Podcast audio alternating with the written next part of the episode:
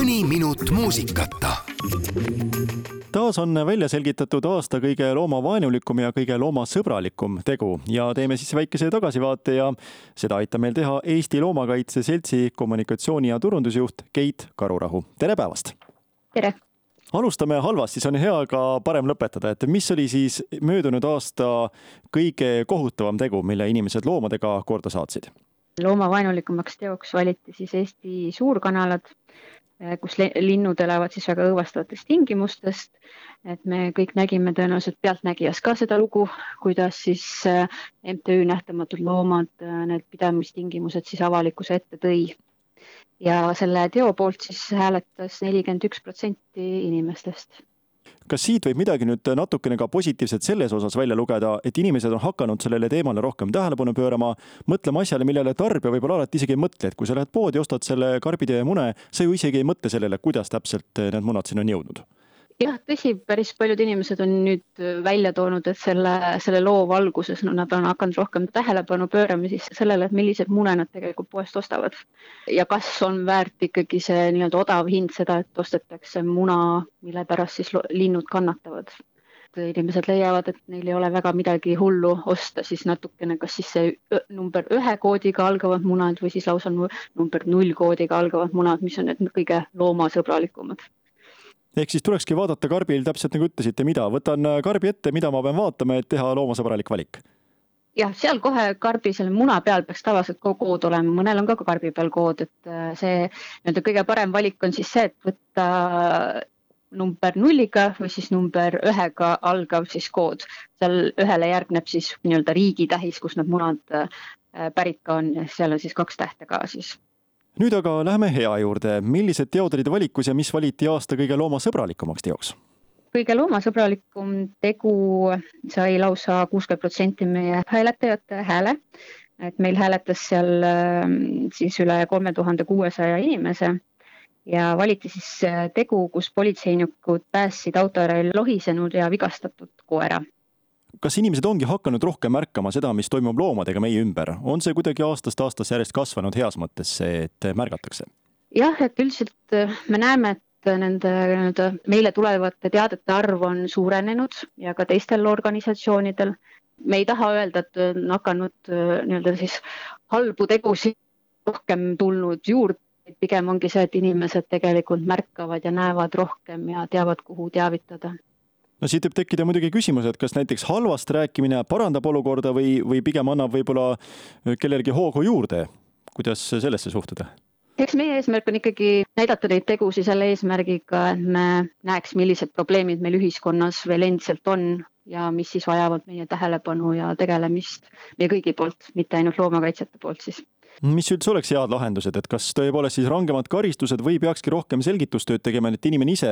jõuaks ühel hetkel arusaamale, et see ei ole normaalne, mida ta teeb, et see trahv võib-olla alati ei päästagi või?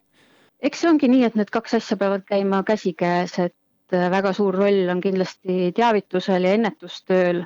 kuid ka tegelikult seadused mingil määral peavad ka ikkagi järgi meile jõudma, et ikkagi kõik inimesed oleks siis motiveeritud paremini käituma oma loomadega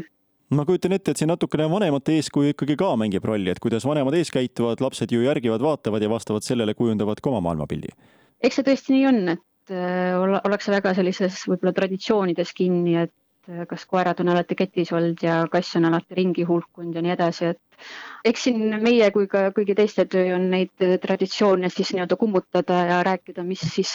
teaduslikud uuringud ja kõik muud meile näitavad, et mis tegelikult parem on ja kuidas õigem oleks peab ikkagi mõtlema selle peale, et noh, et igas kodus ikkagi lemmikloom ei pea olema, et lemmiklooma kodu on seal, kus tema eest ikkagi korralikult vastutatakse ja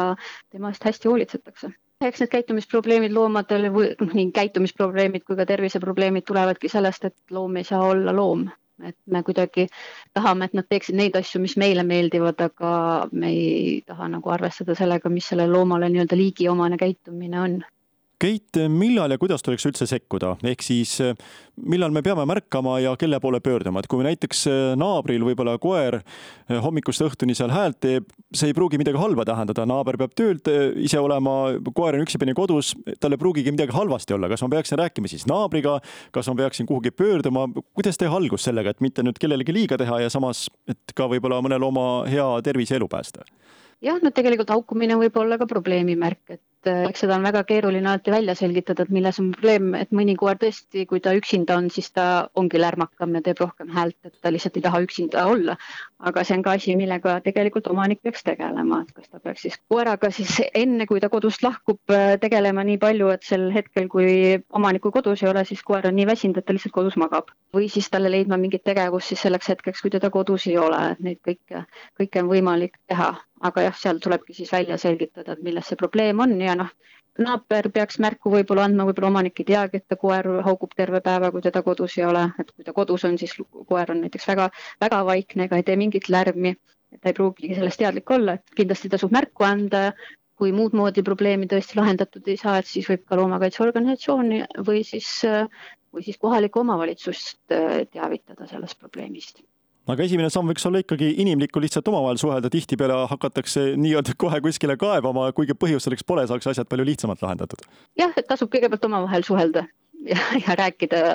asjad selgeks või siis leida mingi koos mingisugune lahendus sellele probleemile, et alles siis, kui tõesti see mitte kuidagi ei lahene, et siis tasuks hakata siis juba otsima mujalt abi aga kui inimene märkab, et tõesti juba mõnele loomale tehakse ilmselgelt liiga, kelle poole siis pöörduda, kas helistada juba politseisse, pöörduda loomakaitse seltsi poole, mis see esimene kontakt võiks olla?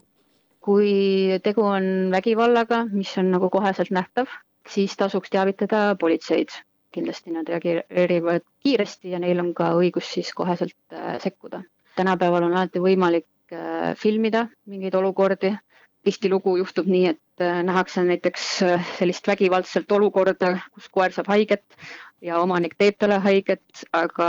kui politsei juba sinna kohale jõuab, et siis ei ole mingit tõestusmaterjali, et see tegelikult toimus. et äh, siis nagu nii-öelda pikemas plaanis ei ole võib-olla võimalik sekkuda. suur aitäh Keit Karurahu meiega natukene vestlemast. loomulikult veel kord suur aitäh ka nendele toredatele politseinikele, kes pälvisid aasta kõige loomasõbralikuma teo tiitli ja loodame, et järgmisel aastal me saame rääkida veel rohkem positiivsest ja veel vähem negatiivsest. jah, loodame nii. suur aitäh, teile.!